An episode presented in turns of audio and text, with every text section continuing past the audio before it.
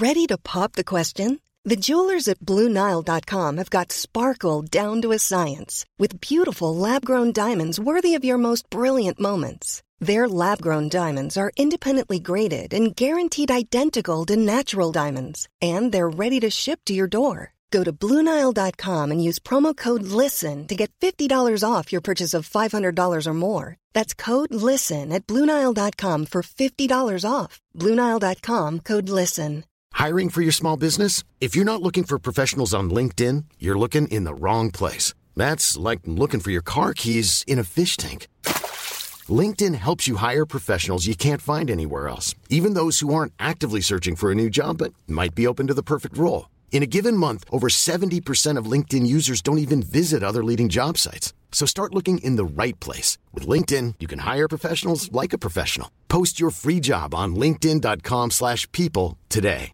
This is Paige, the co-host of Giggly Squad, and I want to tell you about a company that I've been loving, Olive and June. Olive and June gives you everything that you need for a salon quality manicure in one box. And if you break it down, it really comes out to $2 a manicure, which is absolutely insane. It's also so easy to get salon worthy nails at home with Olive and June. The difference between how your nails used to look when you did them yourself and now with the Manny system is a complete game changer. The best thing about Olive and June too is it's a quick dry, dries in about one minute, lasts for five days, and full coverage in up to one to two coats. Visit oliveandjune.com slash perfectmanny20 for 20% off your first system. That's oliveandjune.com slash perfectmanny20 for 20% off your first system.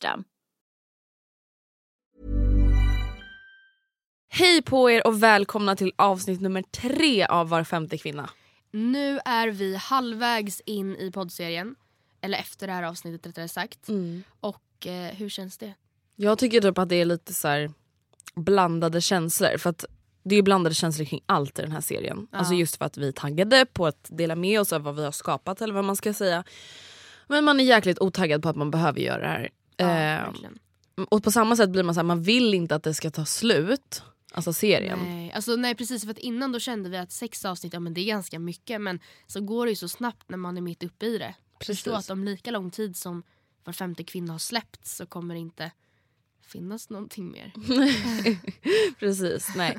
Eh, och de avsnitten som har varit tidigare för er som inte har lyssnat på dem är alltså introavsnittet. Vilket är ett avsnitt där vi tar upp liksom fakta, statistik och typ varför vi gör den här serien. Ja, precis, alltså både bakgrund men också sen vad vi har för mål eller ambitioner under tiden och framförallt efter att den här serien har gått. Precis, och avsnitt nummer två, förra veckans avsnitt så gästades ju vi av Johanna Precis. som berättade sin historia. Och jag tänker så här, innan vi sätter igång nu eh, så tänker jag, ska vi påminna lite om varför vi har döpt serien till Var femte kvinna? Om någon mot förmodan har missat det så här kommer en liten en, eh, påminnelse. Var femte kvinna har utsatts för allvarligt sexuellt våld. Var femte kvinna undviker att gå ut ensam på kvällarna. Var femte kvinna har gjort något sexuellt mot sin vilja. Var femte kvinna utsätts för sexuella trakasserier på jobbet. Och eh, under tiden som vi har jobbat med serien så har det även nått oss, eller vad man säger, att var femte kvinna även utsätts för sexuella trakasserier på internet. Precis. Och det som jag tycker är så värt att så här, poängtera, som vi kanske inte pratade så mycket om i första avsnittet, men det är just mörkerantalet. Att så här, det här är den statistik man vet. Ja. Ja, alltså verkligen. förlåt men jag tror på riktigt att fler än var femte kvinna Ja. utsätts för sexuella trakasserier på nätet. Hemskt nog. Men det är ju ofta så med sådana här typer av brott att det finns ett enormt mörkertal. För tänk bara på alla de som inte anmäler. Det har ju till exempel visat sig vara eh, väldigt, en väldigt liten andel som tar steget och anmäler. Eh, och ändå så har Sverige så himla högt antal anmälningar i förhållande till många andra delar av världen. Och då, ans eller då tror man ändå bara att det är 10-20% av alla till exempel våldtäkter eller sexuella övergrepp eller trakasserier som faktiskt sker. Precis. Ja, det är för jäkligt men Ja. vi hoppas ju verkligen som vi nämnde i första avsnittet att det här avsnittet liksom får er att tänka till och att det liksom blir en lite, vad ska man säga, en typ reality check. Mm, det har det verkligen varit för oss. Och eh, i veckans avsnitt som ni ska få lyssna på idag så gästas vi av Katarina Wenstam. Vilket är en för detta kriminalreporter men numera författarinna på heltid. Hon skriver både skönlitterärt och facklitterärt om eh, kvinnofrågor i allmänhet. Precis. Och, ehm, hon var verkligen en kvinna med pondus. Ja, verkligen. Ja. Det var så trevligt att träffa Katarina för det var så härligt att träffa någon som vet så mycket mer om det här än vi. Ja. För det var så skönt att liksom ha någon lite kanske att luta sig mot eller vad man ska säga, någon vi kan fråga. Ja verkligen för att vi gick ju in i det här ganska ehm, ja, men vi hade ju koll på vart vi stod eller vad man säger men vi hade kanske inte så mycket fakta och jag har lärt mig jätte, jättemycket under tiden som vi har spelat in det här och eh, väldigt mycket av det var från Katarina. Så förhoppningsvis kommer ni också känna er eh, pålästa efter avsnittet. Precis. Innan vi sätter igång veckans avsnitt så vill vi bara påminna er om vart man kan vända sig ifall man har blivit utsatt för sexuella övergrepp eller misstänker att någon i sin närhet har blivit det. Eh, för det är ju aldrig för sent att ta tag i någonting man varit med om och det finns väldigt mycket hjälp att få. Så Andrea, kan inte du eh, lista upp vart man kan vända sig? Eller exempel på vart man kan vända sig. Jo, för att i veckans avsnitt där vi träffar Katarina Wenstam så nämner hon att på hennes hemsida så kan man hitta information om vart man kan vända sig. Och då tänkte jag att jag kan lista upp de här ställena man kan vända sig till innan vi sätter igång om det är någon som känner att ja, man kanske vill göra det redan nu eller man bara vill ha det framför sig. Man kan vända sig till Kvinnofridslinjen, nummer 020 50 50 50. Du kan gå in på föreningen storasyster.se. Du kan gå in på unison.se. Du kan gå in på roks.se och du kan gå in på rfsu.se. Och sen finns det även andra ställen, alltså sjukhus, polis, herregud. Alltså det finns ju massor av ställen. Men det här är liksom ja, men, specifikt typ kvinnojourer, tjejjourer och så vidare. Men nu ska vi sluta babbla och så ska ni få lyssna på när vi träffar Katarina Wenstam som skriver just om kvinnofrågor, synen på kvinnor, våldtäkt och så vidare. Förhoppningsvis kommer ni lära er lika mycket som vi gjorde och eh, förhoppningsvis tycker ni att det här är ett väldigt intressant avsnitt. Så hörni, vi sätter igång med det tredje avsnittet av Var femte kvinna. Hope you will like it.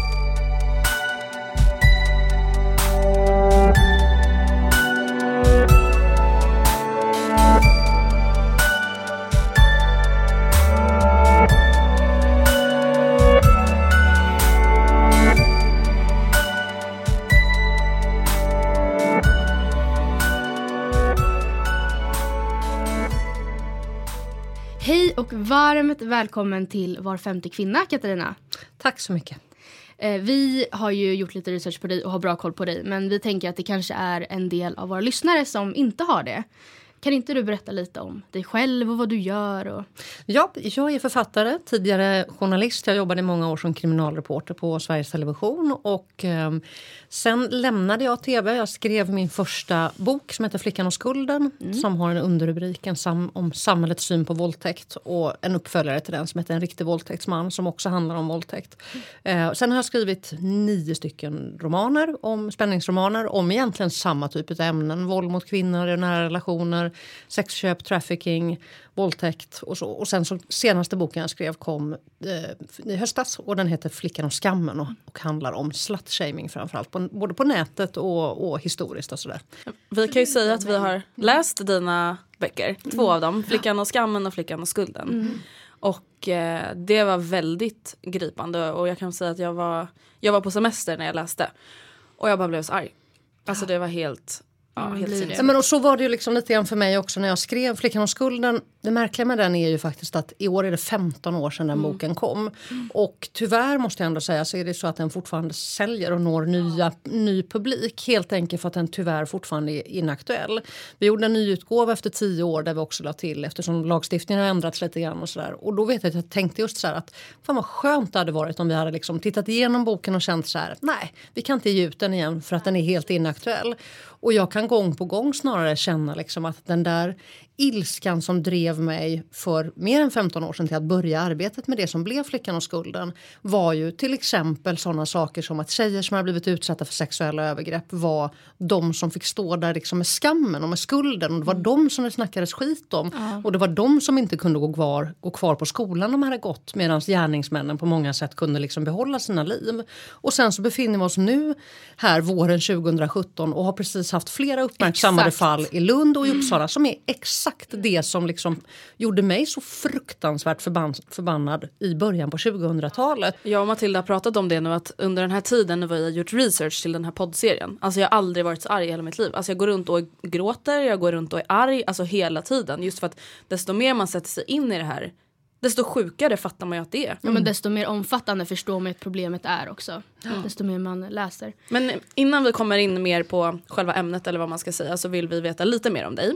Eh, hur skulle du säga att en vanlig dag ser ut i ditt liv? Och nu förstår jag att det kanske inte finns några vanliga dagar men om du ger liksom ett exempel på en arbetsdag. En arbetsdag ser ut så att jag får iväg mina barn till skolan om jag har barnvecka. Jag, de bor hos mig varannan vecka. Och sen så sitter jag ganska ofta kvar i morgonrocken väldigt länge.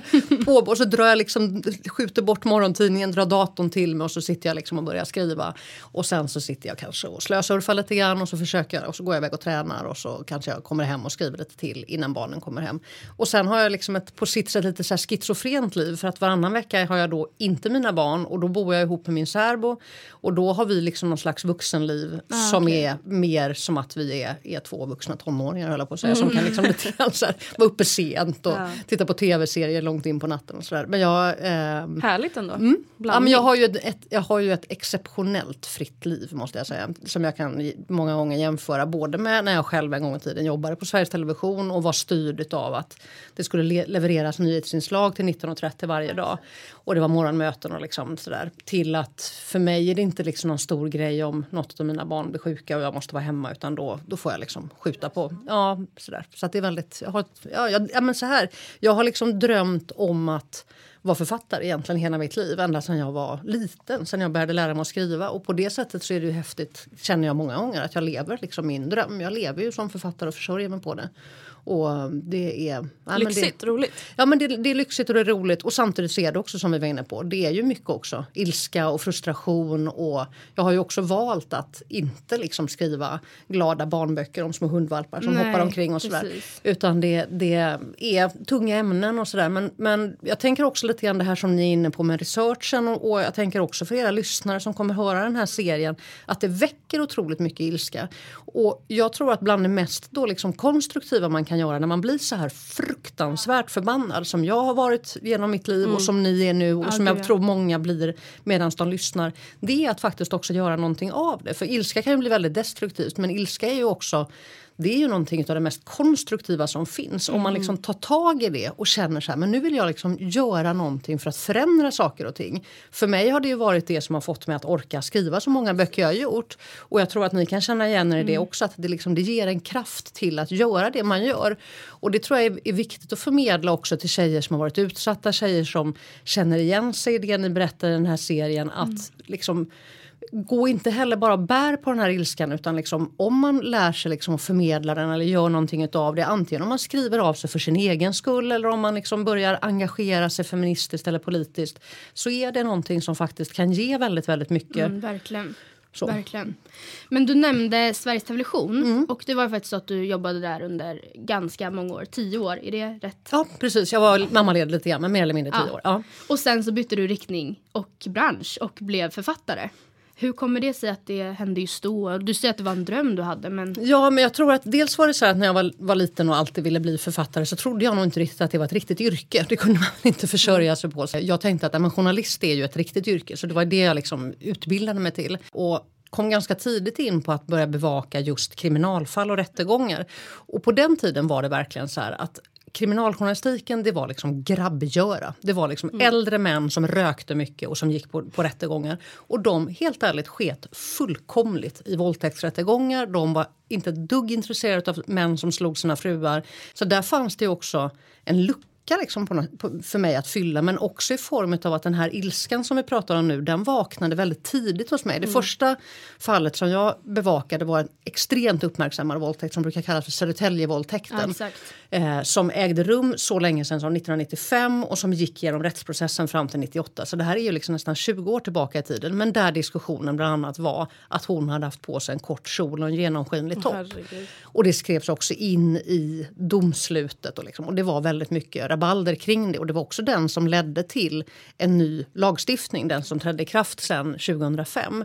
Så att det, det, här som jag liksom såg då och med andra uppmärksammade, Tumbafallet eller Rissnefallet eller sådär, det, det på något sätt väckte en sån otrolig ilska hos mig där jag också ganska tidigt gick ifrån liksom min journalistroll. Som journalist är det ju väldigt så här, det är en hel regel att man, man gör sitt jobb och sen när arbetsdagen är slut så, liksom, så lämnar man jobbet på jobbet och sen går man hem. Mm. Men när det kommer till att vara liksom en ung kvinnlig reporter som börjar jobba med sexuella övergrepp på tjejer jämnåriga med mig själv. Det var helt omöjligt att inte ta med mig det hem. Nej. Och jag kommer ihåg att jag hade en av mina bästa väninnor, hon sa till mig någon gång, hon skulle ha någon fest, så sa hon så här, du alltså Katarina om du kommer på festen på fredag kan du typ här, inte prata om våldtäkt?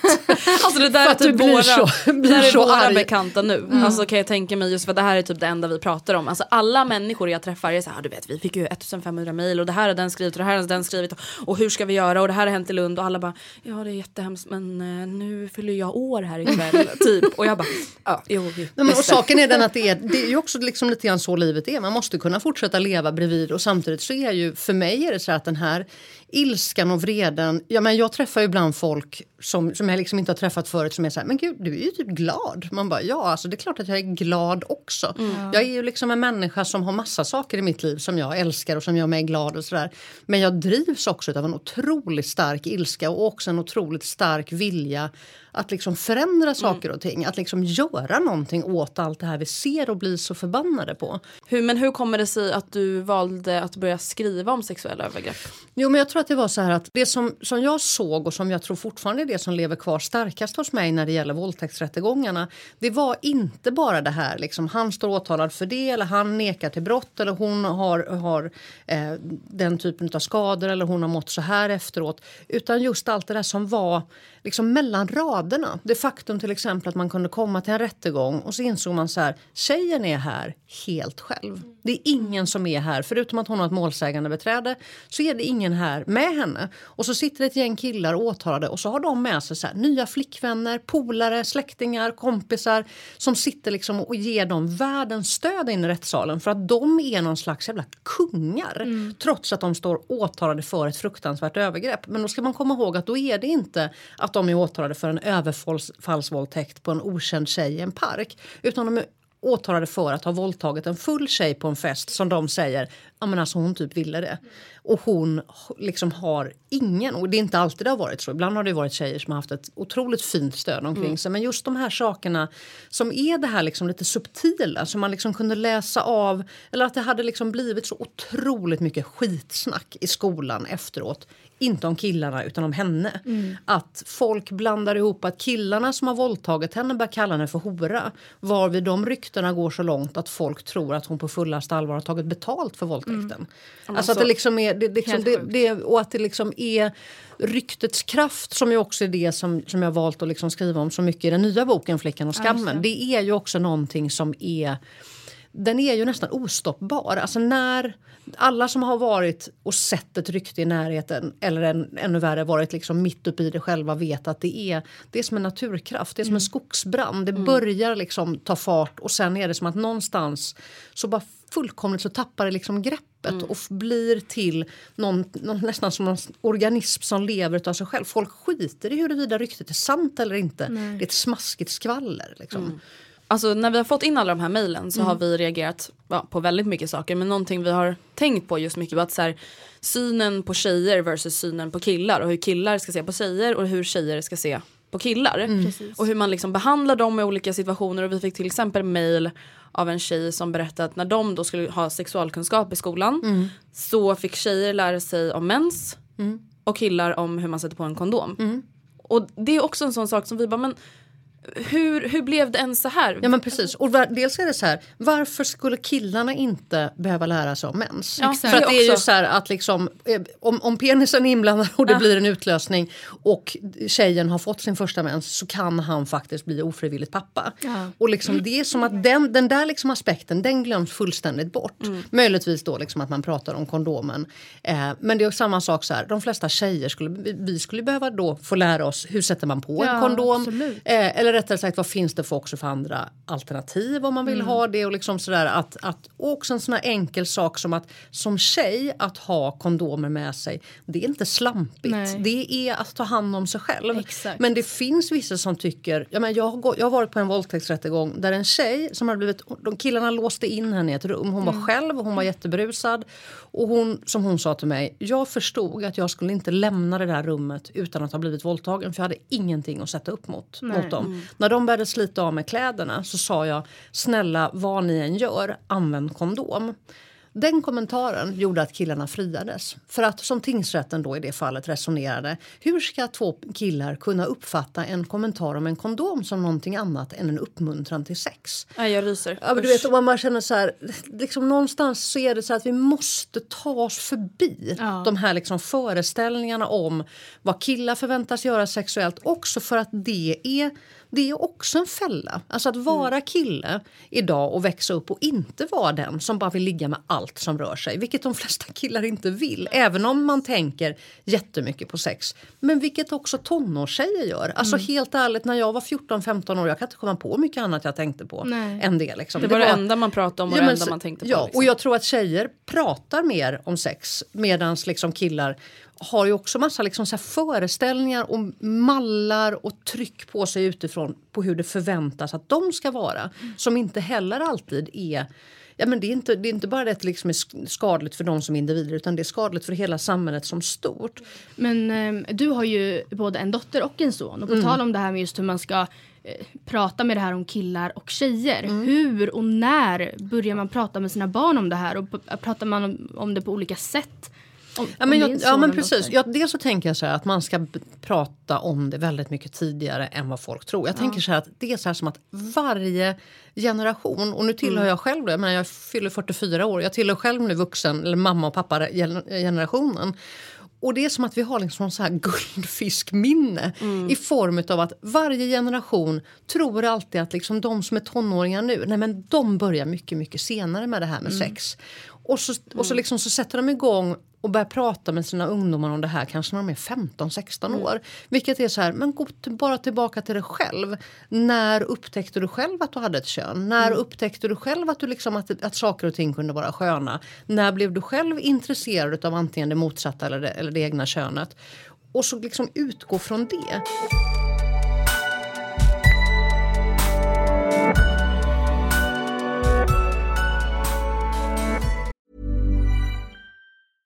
Imagine the softest sheets you've ever felt. Now imagine them getting even softer over time. That's what you'll feel with Bowl and Branch's organic cotton sheets. In a recent customer survey, 96% replied that Bowl and Branch sheets get softer with every wash. Start getting your best night's sleep in these sheets that get softer and softer for years to come. Try their sheets with a 30-night guarantee. Plus, get 15% off your first order at bowlandbranch.com. Code BUTTERY. Exclusions apply. See site for details.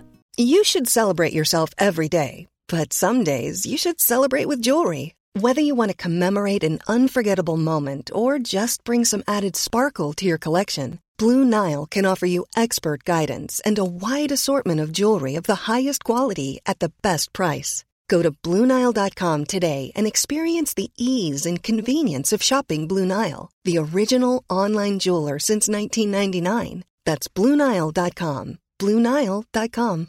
Hey Dave, Yeah, Randy. since we founded Bombus, we've always said our socks, underwear, and t shirts are super soft. Any new ideas? Maybe sublimely soft. Or disgustingly cozy? Wait, what? I got it, Bombus. Absurdly comfortable essentials for yourself And for those facing homelessness. because one purchased equals one donated. Wow, did we just write an ad? Yes. Bombas. Big comfort for everyone. Go to bombas.com slash ACAST and use code ACAST for 20% off your first purchase. Jag har en eh, lilla syster som är nio. Och eh, jag har ju pratat lite med henne om att så, men vi ska göra en poddserie och den ska heta så här. Och hon bara, men vad kommer den handla om?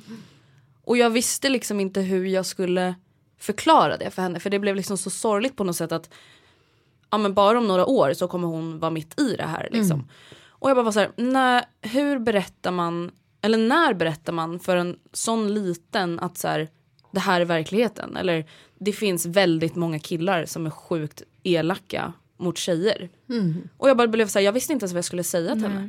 Och det problem, problematiska är ju att det är en sanning också. Liksom. Ja. Alltså att det liksom inte heller går, i någon mån är det så här, det går ju inte heller riktigt att undanhålla. Nej. Eh, och jag tror att, att, och sen tycker jag också att man ska prata med killarna om det. För, för att liksom också utifrån så här, en av de viktigaste sakerna jag tror att man behöver prata om det är det här att det du ser på nätet oavsett om vi då liksom har pratat om porren, att det man ser där inte alltid är liksom verkligt. Men också om du får kontakt med någon på nätet, du har ingen aning om vem det är bakom. Jag har suttit med mina barn och gått igenom förundersökningar och det kanske vissa tycker är knäppt. Men jag har valt bort delar av de här förundersökningarna. Men jag har visat för dem till exempel. Ja, men så här såg chatten ut mellan den här killen och tjejen. Hon trodde att det var en 15-årig kille. I själva verket så var det en 48-årig pappa som, som liksom hade skapat en fiktiv eh, karaktär. Och sen så gick den här och så här ser man liksom hur den här chatten övergår väldigt snabbt i sex och liksom också rena hot. Att han vill ha fler bilder och, liksom, och han hotar henne att han ska publicera dem om man inte får fler och sådär. Och att, att medvetandegöra dem till att ändå liksom vara misstänksamma och samtidigt så, så är det klart att det alltid finns bitar som man väljer att inte beskriva för dem. Liksom, eller så här, man anpassar det på något sätt. Jag pratar ju med en vuxen på ett annat sätt än vad jag pratar med mina barn. Men jag tror ändå att det liksom lite grann så tror jag att vi ska inte vara för mycket så att vi liksom hela tiden ska hålla på och skydda barnen så mycket. För att det finns där ute ändå. Men jag tänker då till exempel ja, men när de blir lite äldre, kanske 13, 14, 15, 16. Eh, just tonårspojkar. För jag var inne på något forum på Facebook och då var det någon som hade skrivit en debattartikel och just nämnt att så här, vi ska inte be våra tonårsdöttrar gå runt med försvarsspray utan ni, alltså då för det var en eh, pappa till en dotter, ska be era söner att inte våldta. Och då undrar jag liksom så här, hur, hur pratar man med killar om det här? Alltså hur, hur kommer du prata med din son eller hur pratar du med din son? Ja, men jag tycker att man måste prata om det utifrån att det är gräns, liksom utifrån gränssättning. Att liksom vad som är också liksom, vad ska vi säga, den kroppsliga integriteten. Att om, om man också pratar om så här, vad, vad hans gränser går så handlar det också om att respektera det utifrån andra också. Men sen tror jag också så att det, det som jag lite grann också far efter det är att man ska börja mycket, mycket, mycket tidigare. En av de saker som jag tycker att som är sånt som vi kan framstå som liksom petitesser men som vi måste någon gång komma åt. Det är hur vi behandlar killar och tjejer på förskolan. Och just detta med att jag tror att ni, precis som jag, har varit med om att man har blivit puttad på eller dragen i håret eller fått en snöboll innanför tröjan eller vad det än är. Och så får man utav vuxenvärlden höra, ja men gud killar är så, han är nog lite kär i dig. Han gillar dig." Han gillar dig. Men Killar, hur sjukt är inte det? Nej, men det är helt då godkänner man ju redan, redan för killarna då att det här beteendet är okej. Du kan bete dig lite hipp som happ hur du vill mot tjejer. Det spelar ingen roll. Eller för den delen vuxenvärlden som hela tiden kräver kramar från sm- små barn. Varför vill hon inte kramas för? Kom, kram! Och så håller man kvar i barnet och så... Mm, mm, mm, mm. Man bara, men alltså barn, hur, om, hur... Det här barnet vill uppenbarligen inte bli pussat på. Barn som vill bli kramade på, eller få kramar, de kommer ju till en själv. Eller man kan finnas där med den öppna famnen. Men att hela tiden ha den där attityden att oavsett om det är liksom små pojkar eller små tjejer att kräva dem på fysisk närhet. Det blir ju just detta med att sudda ut gränserna för vad är din kropp, vad är ett nej, när är det okej att liksom inte vilja? Ja, det är alltid okej att inte vilja. Det är du som sätter gränsen. Om ett barn puttar bort ett annat och säger nej, jag vill inte, då ska inte vuxenvärlden va- vara där och bara jo, men kom igen, ni är så gulliga, stå ihop nu så får vi ta en, en bild på er och lägga ut på Facebook. Att det liksom är, det, det liksom, det är så, det är så mycket tidigare det handlar om det börjar så mycket tidigare också. Sen måste vi ta snacket med tonårskillarna också och hela tiden prata om det utifrån också Ja, men faktiskt sådana saker som att prata om vad säger lagen, vad får man lov att göra? Och sen inte minst, hur agerar man om man ser att någonting är på väg att gå käpprätt åt helvete? För att det man ser till exempel är att när det gäller överfallsvåldtäkter, där är det ju faktiskt varje år egentligen några fall, tack och lov, då, som blir avbrutna. Det är några killar eller någon, någon som kommer liksom gåendes genom en park och kan liksom faktiskt jag, ibland till och med gripa eh, överfallsvåldtäktsmän. Det har ju hänt några tillfällen. Men jag har under alla år som jag har jobbat aldrig varit med om att killkompisar har stoppat sina egna kompisar på en fest. Om man går in och man vet att där inne i det där rummet ligger en tjej som har däckat. Och så ser man hur någon eller några killar går in dit. Och låser dörren. Och låser dörren. Eller kommer ut och bara låter henne... Och man förstår så här, det har förmodligen hänt någonting där inne. Vad är det som gör att... För som sagt, jag har inte sett det. Vad är det som gör att man inte lyfter luren? Eller vad är det som gör att man inte går in till henne? För det har jag upplevt själv. Vet jag när jag har blivit för full på fester. Och så har jag haft killkompisar som har varit så här. Ja, men de lägger en filt över henne eller de hjälper henne in på toaletten för att kräkas. Eller liksom de kollar att man är okej. För det är det som är det normala beteendet. Och det märkliga är att det här liksom abnorma beteendet att förgripa sig på en tjej som har däckat eller som inte kan liksom freda sig. Det är som att det nästan har blivit, inte normen för de flesta killar gör ju inte så här. Men att när någon gör det så, så har vi ändå lite grann den attityden. Ja men alltså killar är såna där. Nej men det är de inte. Det är inte det normala manliga beteendet och det är det vi måste också få killar att liksom känna så här att här har vi det rätta beteendet. Hjälp henne, ring hennes föräldrar, ring hennes polare, hjälp henne att kräkas. Inte plocka fram en kamera. Men eh, i din ungdom eller även i nutid, har du någon gång varit med om något sexuellt övergrepp i någon form? På mm. festsammanhang eller i vardagssammanhang? Ja, alltså dels har jag varit med om, om liksom tafsningar och sånt där som jag tror att de allra flesta har. och så där. Det som jag Förstå framf- vad sjukt det är. Som de allra flesta har. Det räknar man liksom. Nej, men Alltså visst, det- nej, men, och det, jag tror att det är verkligen precis så som du säger. Att Jag satt för inte så länge sedan och pratade med en, en yngre väninna som hade varit med om en, en otroligt liksom så här gränslös grej från en manlig kollega som hon också själv hade så svårt att definiera för att hon liksom så här beundrar honom. Eh, och så vet jag att jag sa till henne så här, ja fast vad tror du, han själv har ju tonårsdöttrar. Tror du att han skulle ha tagit på sin egen dotter på det sättet? Eller tror du han skulle ha accepterat att en manlig kollega till hans egen dotter hade lagt handen på låret och sagt så här, gud vad du gjorde bra ifrån dig på jobbet igår och så klämt lite grann. Alltså den här att hela tiden också bädda in trakasserierna i komplimanger. Alltså så här, för det blir en annan form av lite grann det här vi pratar om när man liksom drar någon i håret i förskolan och så säger vuxenvärlden att det är för att han tycker om dig. Att det också är att det är den typen av liksom tafsningar som många gånger är så otroligt gränslösa. För att man, det, det kommer också tillsammans med komplimanger. Man vet liksom inte hur man ska reagera för att man känner ju att man blir arg. Det är kanske det är samma sak som, eh, det är också lite mer eh, oskyldigt men fortfarande hemskt. Det här med folk som så här, tutar och visslar och man bara det där är inte trevligt. Samtidigt så säger de ju ingenting dumt. Så att när det händer, alltså jag vet inte hur jag ska reagera. Jag känner ju att jag blir Nej, arg de, hela här, kroppen. de här eviga som, som man får, alltså där folk verkar tro att Facebook är någon slags konstant liksom pågående flörtmarknad. När man bara får de här hi, man bara men vem, alltså vem är du? Vem, varför stör du mig i min kväll? Eller Var, alltså så här, och bara liksom att överhuvudtaget, för det är en form av liksom virtuell vissling på något sätt. Liksom, Som är bara så här, men vad tror du? Jag är på Facebook utav sociala precis. skäl, inte alltså så här, nej. Inte för att ragga. Nej, inte för att ragga. Och det, med, det finns det. Jag, med. jag har träffat min partner genom på, på nätet. Så att det, liksom, Mm. det är inget konstigt i att göra det. Men då var det också det som var syftet. Det var inte, liksom, då var det väldigt tydligt att det var det det gällde. Ja men det är så normaliserat som du säger. Vi har nämnt det i tidigare poddavsnitt. Just att man promenerar över Hötorget och blir vistad på som ett litet husdjur. Liksom. Mm. Och det är någonting man får räkna med. Det är dessvärre så. Man har liksom lärt sig att det är bara att fortsätta gå. Titta inte på dem, det är bara att gå. Och så finner man sig i det. Ja man tänker mer så här, okej det är bara att överleva och sen får man Testa att göra vidare. tvärtom någon gång. Och se hur, alltså det är så fascinerande att se överhuvudtaget när man tar såna här väldigt normaliserade grejer gentemot oss tjejer och så vänder man på det. Om ni skulle ta och gå över, över Hötorget nu och så ställa er och titta på någon av killarna som står och säljer grönsaker och så busvissla på honom och se tills han vänder er om Ja. och så skulle ni ge honom en liten kommentar och så bara gå därifrån. Ja. Så skulle han ju förmodligen bli helt perplex. På samma sätt som man ser när manliga skådespelare eller manliga sportstjärnor får frågor som inte bara är påhittade utan som är exakt de frågor som kvinnor får. Snurra runt är du snäll.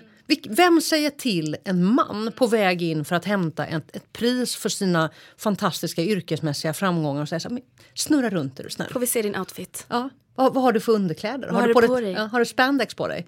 Eh, eller hur, rakar du hela kroppen för att simma bättre? Sitt, simma snabbare.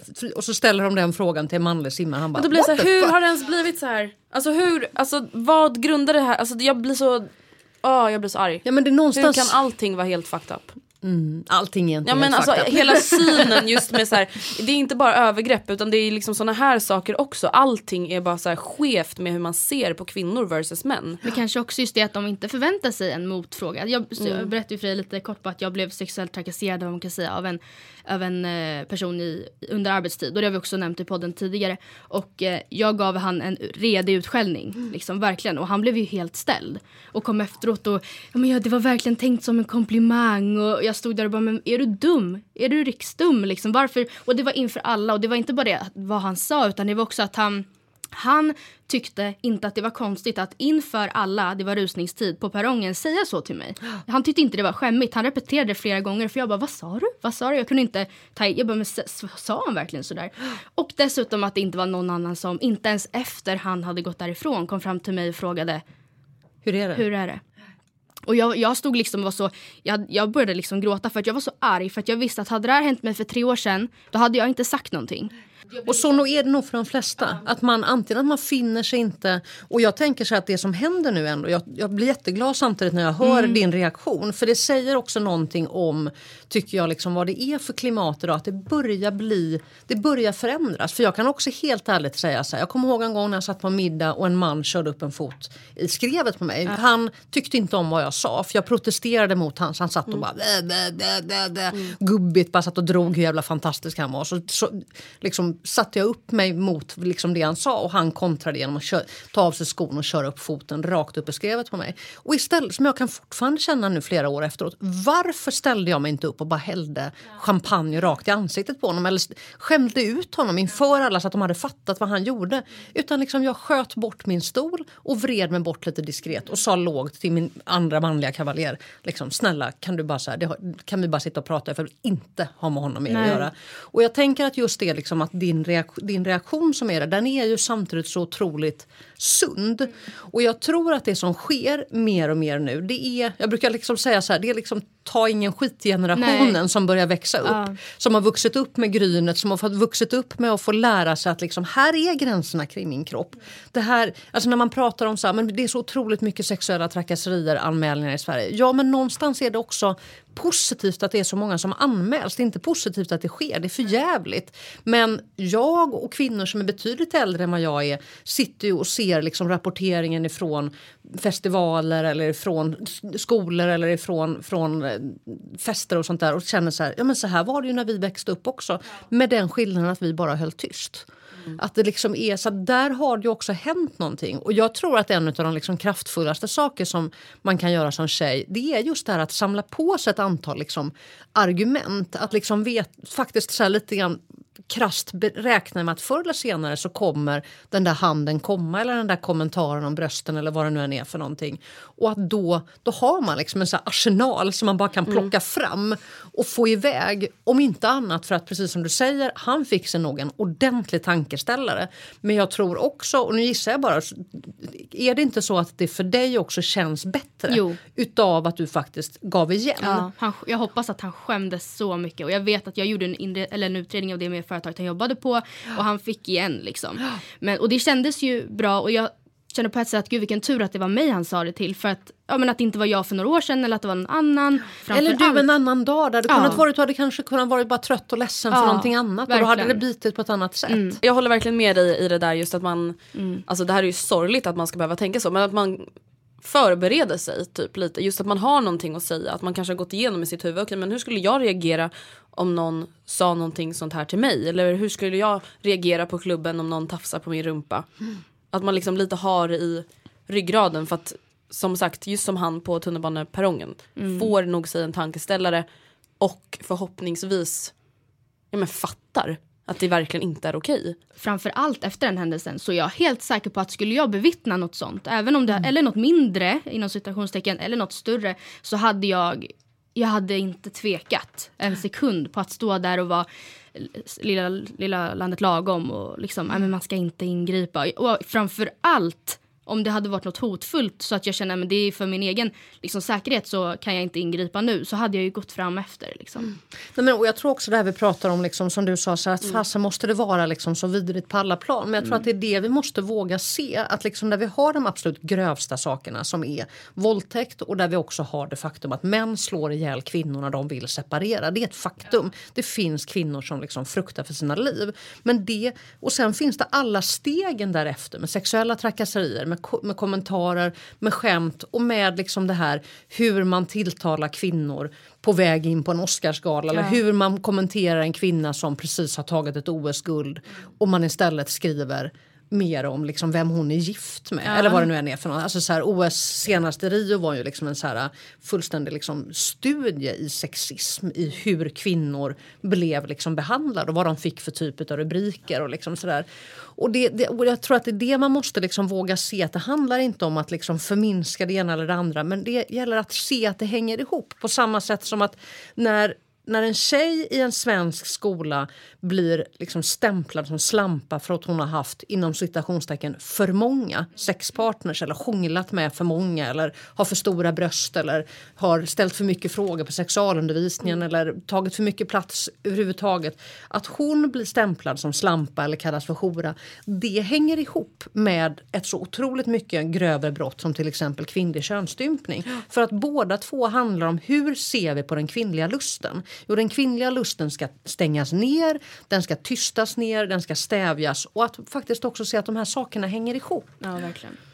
Men tror du på hårdare straff? Alltså när det kommer till eh, exempelvis våldtäkt och ofredanden och trakasserier? Tror du att det skulle hjälpa eller är det liksom mer att ta hand om problemet efterhand? Ja, jag, så här om man ska se det utifrån liksom en, en kriminologisk synpunkt eh, så när det mm. gäller forskning överhuvudtaget när det gäller brott och straff så är det tyvärr så att det finns ingenting som tyder på att de länder som har betydligt högre straffskalor än vad Sverige har att de skulle ha mindre problem med vare sig våld mot kvinnor eller sexuellt våld eller så. Eh, så att jag tror att det där är en alldeles för enkel lösning som vi väldigt snabbt hemfaller till. Däremot så, så tycker jag att en av de saker som, som ju faktiskt som man vet fungerar och som jag tycker att man borde ha större krav på gärningsmän det är detta att du kan bli dömd för en våldtäkt och sitta av hela fängelsestraffet och inte ha överhuvudtaget tagit tag i din kvinnosyn. Och så kan du lämna fängelset och ha, liksom, ha precis en lika vidrig kvinnosyn som du hade när du kom in. Mm. Det är bara att titta på ett så uppmärksammat fall som, som Anders Eklund som, mm. som mördade både Engla och Pernilla i Falun som ju hade varit dömd för sexualbrott långt dessförinnan. Som har suttit av fängelsestraff i svenska fängelser, dömd för sexualbrott och överhuvudtaget aldrig behövt diskutera. Hur ser du egentligen på kvinnor? Och sen så slutar det som det gör där. Och där skulle jag säga att vi har ett jättestort problem. att det borde... Där, tycker jag att det liksom handlar inte om hårdare straff utan hårdare krav mm. på gärningsmän som har blivit dömda. Att det är fullständigt självklart. Och sen så vet jag att det handlar om att jobba med motivation. Det går inte att tvinga någon in i vårdprogram för då kan de bara sitta där och sitta och rapa oavbrutet mm. liksom hela behandlingen. Men att i sådana fall får det väl påverka längd, längden på straffen eller möjligheterna till som man gör. Man vet att det påverkar vad man får för möjligheter till att göra fritidssysselsättningar eller plugga eller sådär. Att sköter man sig inte när det gäller terapi så får man inte heller de andra morötterna så att säga. Men eh, på tal om eh, våldtäktslagen och sådär så tänkte jag att vi ska läsa ett litet utdrag från Flickan och skulden mm. som ju är din första bok.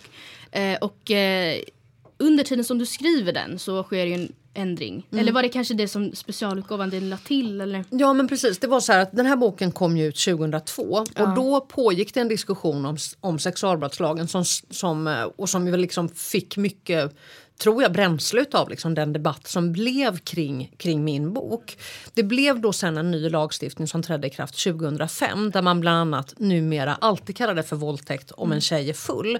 Förut var det ju så här att om en tjej var berusad, att hon själv hade supit sig så full att hon hade däckat mm. så hette det att hon hade försatt sig i vanmakt av egen förskyllan. Mm. Vilket, vilket det är det sjukaste. Alltså... Ja, det är så alltså- vidrigt formulerat överhuvudtaget. Men så var det fram till 2005. Mm. Eh, och numera är det våldtäkt alldeles oavsett oavsett om hon har supit sig full eller blivit, blivit drogad. Man gör ingen skillnad på det. Men eh, jag tycker också det är väldigt viktigt att vi pratar om just att sexuella övergrepp kan vara väldigt mycket. Att det inte är den här klassiska då populärkulturbilden av våldtäkt att man blir överfallen av en man i skogen. Att ett, över, kan, ett övergrepp kan vara väldigt mycket. Och det som du nämnde just i Kvinnan och skulden eh, är ett fall där en sambo till en tjej hade eh, tagit på hennes, hennes könsorgan och filmat henne i pornografiska eh, poser medan hon sov.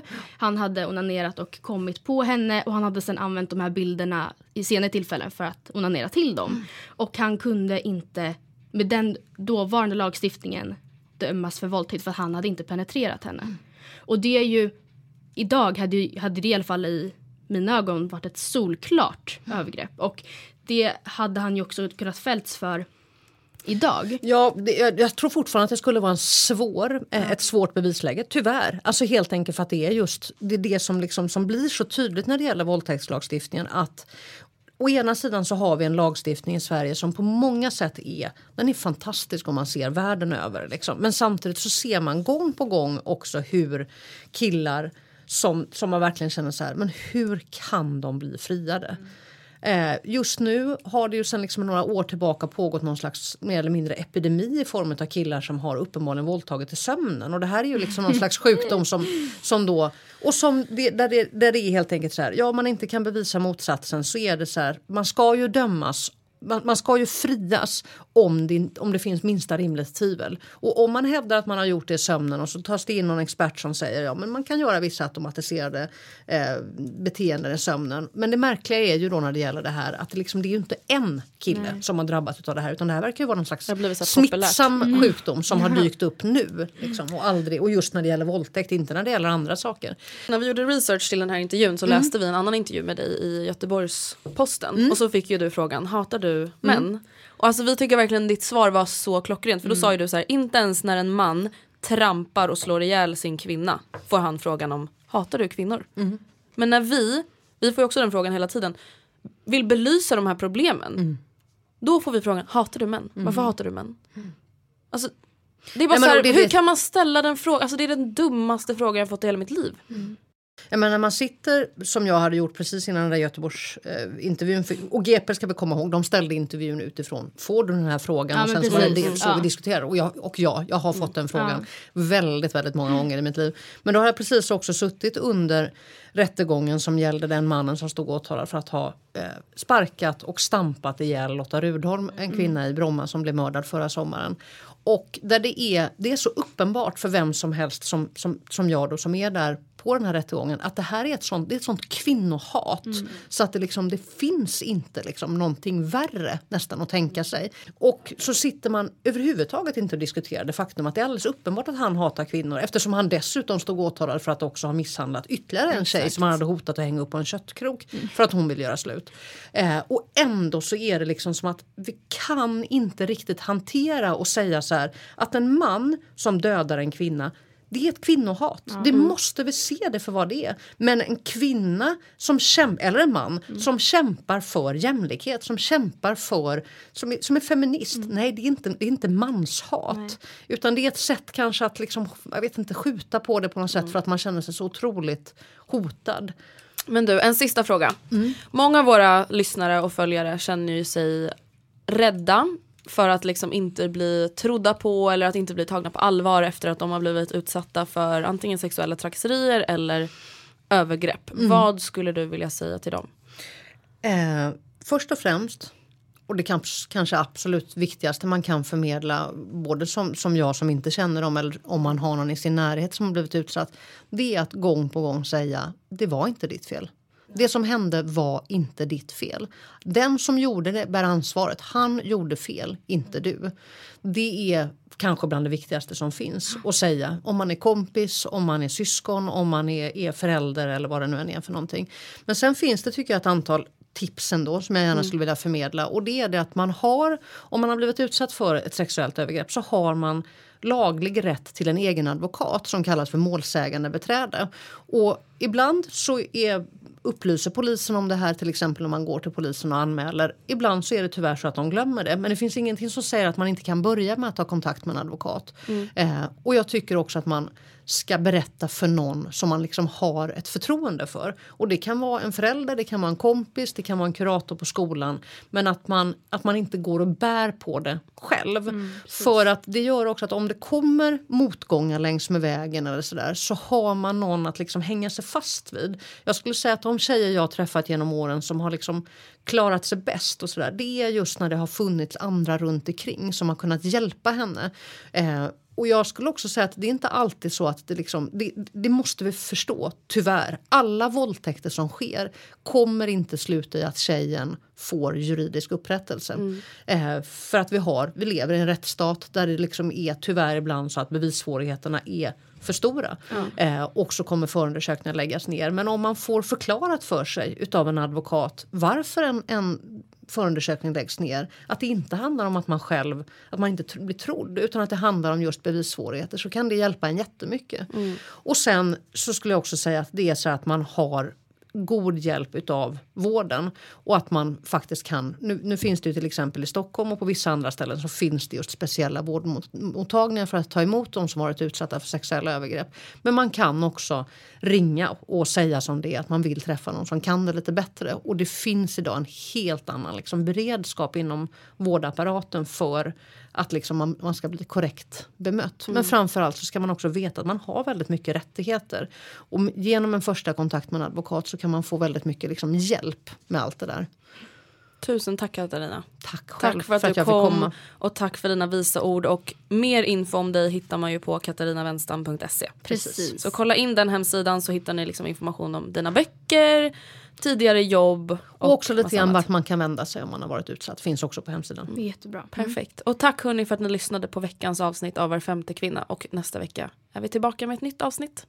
Hej då! Hej då!